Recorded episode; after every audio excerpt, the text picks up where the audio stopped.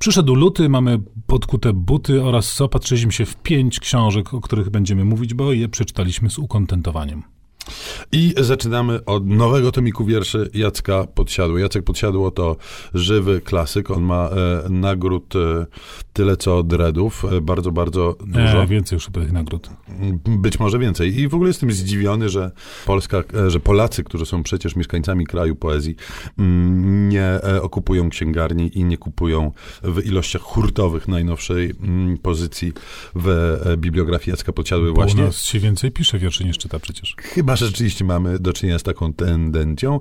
Ja natomiast książkę mam, przeczytałem e, i przeczytałem ją od tytułu zaczynając Włos Bregeta nazywa się mm, ta książka. Nie wiedziałem, co to jest Włos Bregeta. Przeczesałem internet, żeby rozszyfrować ten Przeczytałem, to tajemniczy... jest dobre słowo. I okazuje się, e, że włos brege- bregetowski to jest e, taka sprężynka w zegarkach. I teraz tak, po rozszyfrowaniu tego trudnego mm, tytułu zacząłem czytać wiersze i nie wiem tak naprawdę, co ten tytuł ma oznaczać, poza tym, że mamy do czynienia ze świetnie działającym zegarkiem e, poetyckim e, i znaleźć tu można dużo różnych rzeczy. Po pierwsze, Podsiadło w dalszym ciągu rytmizuje i rymuje więcej niż statystyczny polski poeta, co mm, jest rzeczą bardzo przyjemną. Jest wyjątkowo dużo miłości i erotyki w, tej, mm, w tym tomie poetyckim, a przecież głównie e, z tych względów sięgaliśmy on dziś po poezję, więc to dobrze. Pojawia się też Bob Dylan, a tak naprawdę parafraza jednego z jego tekstów z płyty Desire. Pojawia się też odrobinka historii Polski, tej e, być może nie, na, nie najszczęśliwszej, opowieść o polskim kinie e, i opowieść o rodzinnym mieście e, poety. Wszystko to e, napisane z iście podsiadlanym talentem, więc namawiam na zanurzenie się w tych strofach. Skoro zaczęliśmy poetycko, to utrzymajmy ten poetycki klimat, bo to trzymam w ręku najnowszą książkę niejakiego Liao Yu, którego znamy już chociażby z znakomitej książki reporterskiej prowadzący umarłych, ale to nie jedyna wydana po polsku jego praca. Teraz dostaliśmy kolejny całkiem sporych rozmiarów tom pod tytułem Za jeden wiersz. Cztery lata w chińskim więzieniu.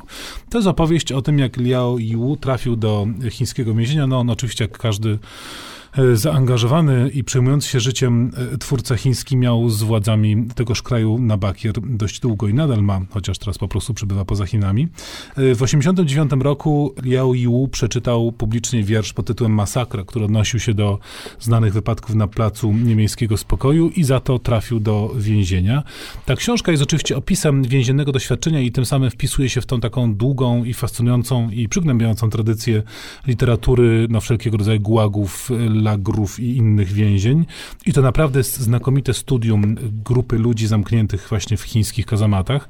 Ale to, co mnie ujęło w tej książce, to jest ten cały długi, no nie tyle wstęp, ile ta pierwsza część, taka rozbiegowa część tej książki, bo Liao Yu opisuje swoje życie wcześniej, zanim dokonał tego aktu takiego polityczno-społeczno-poetyckiego, prowadził życie dość wesołe, takie niefrasobliwe, skakał z kwiatka na kwiatek, podrywał i flirtował i uwodził różnego rodzaju kobiety, sam pozostając y, w związku małżeńskim.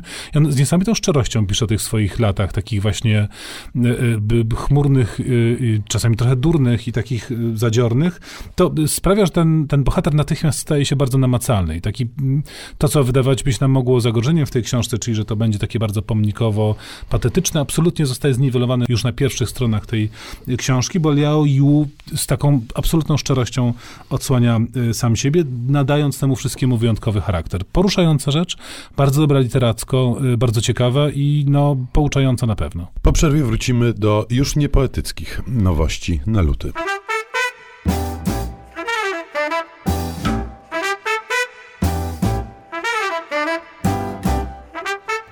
Piątka z literatury.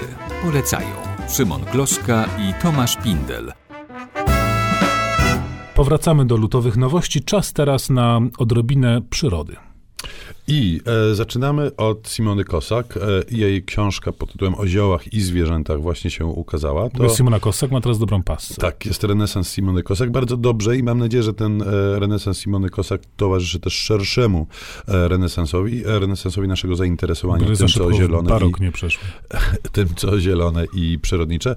O ziołach i zwierzętach. Zioła, rozumiem, to są te, le, te rośliny, które w ziołolecznictwie są wykorzystywane i tak są przez e, Simonę Kosak opisane. Natomiast zwierzęta najróżniejsze, ale nasze polskie opisane są w tej książce przez tą wybitną zoopsycholożkę.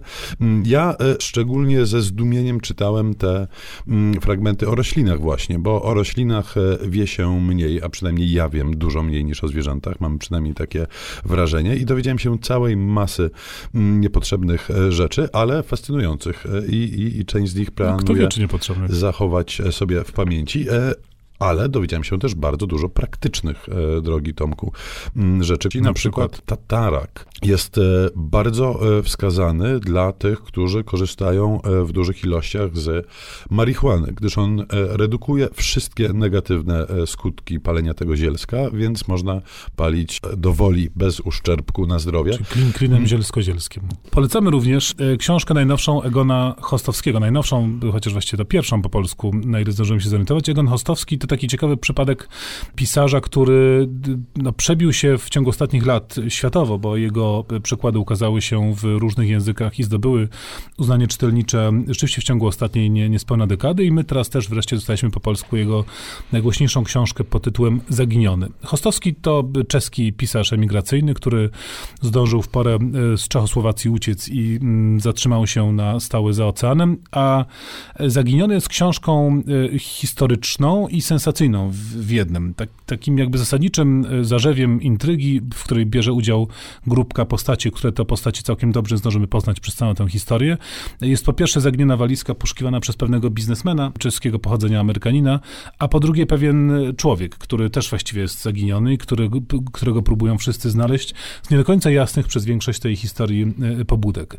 E, więc mamy fabułę, ale to, co dzieje się w tle jest absolutnie fascynujące, bo to jest moment, to jest koniec lat 40., moment, kiedy komuniści biorą górę e, w Czechosłowacji, kiedy ostatni demokratyczni tak zwani ministrowie zostają wykurzeni z, e, z rządu. I to wszystko jest tam pokazane świetnie, bo widzimy te wydarzenia, mamy je zresztą przybliżone na początku we wstępie napisanym przez tłumacza Andrzeja Jagodzińskiego, ale również widzimy reakcje ludzi, widzimy zachowania, widzimy to, o czym rozmawiają, jak żyją, i to nadaje temu wszystkiemu soczystość. A teraz czas na science fiction. Książka Waltera Tevisa, Człowiek, który spadł na ziemię, właśnie ukazała się po polsku i po pierwsze, ci z nas, którzy wspominają jeszcze ciągle mm, Davida Bowiego, na pewno sięgną po tą książkę, żeby mm, zmierzyć się z mm, literackim pierwowzorem filmu, w którym David Bowie grał e, główną rolę filmu, e, powiedzmy sobie otwarcie, wielokrotnie słabszego od e, książki, ale to też jest taka pozycja, jaka się w science fiction zdarza raz na jakiś jakiś czas, którą e, przeczytać powinien każdy, natomiast na pewno powinien przeczytać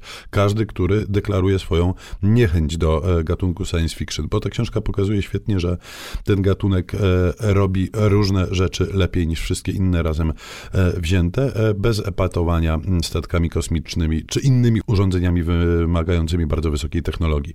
Historia jest prosta. Ląduje gdzieś w, we wzgórzach Kentucky obcy.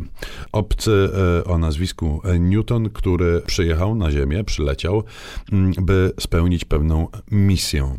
Natomiast wszystko, co się e, dzieje z tym obcym, jest tak naprawdę sednem filozoficzno-egzystencjalnym tej książki, chciałoby się powiedzieć, a dzieje się z nim źle. To znaczy, odczuwa on e, samotność, samotność, e, chciałoby się powiedzieć, wręcz kosmiczną, przytłaczającą i wyskakującą na nas z kart tej powieści, ale przeżywa też całą masę dość poważnych rozterek, obserwując ze swojego nieziemskiego oddalenia nas Ziemian. Książka rzeczywiście rażąca swoją literacką siłą. Pozdrawiamy i życzymy przyjemnej lektury. Szymon Kloska. Tomasz Pinder. Dwaj kosmici. Mi, mi, mi, mi, mi.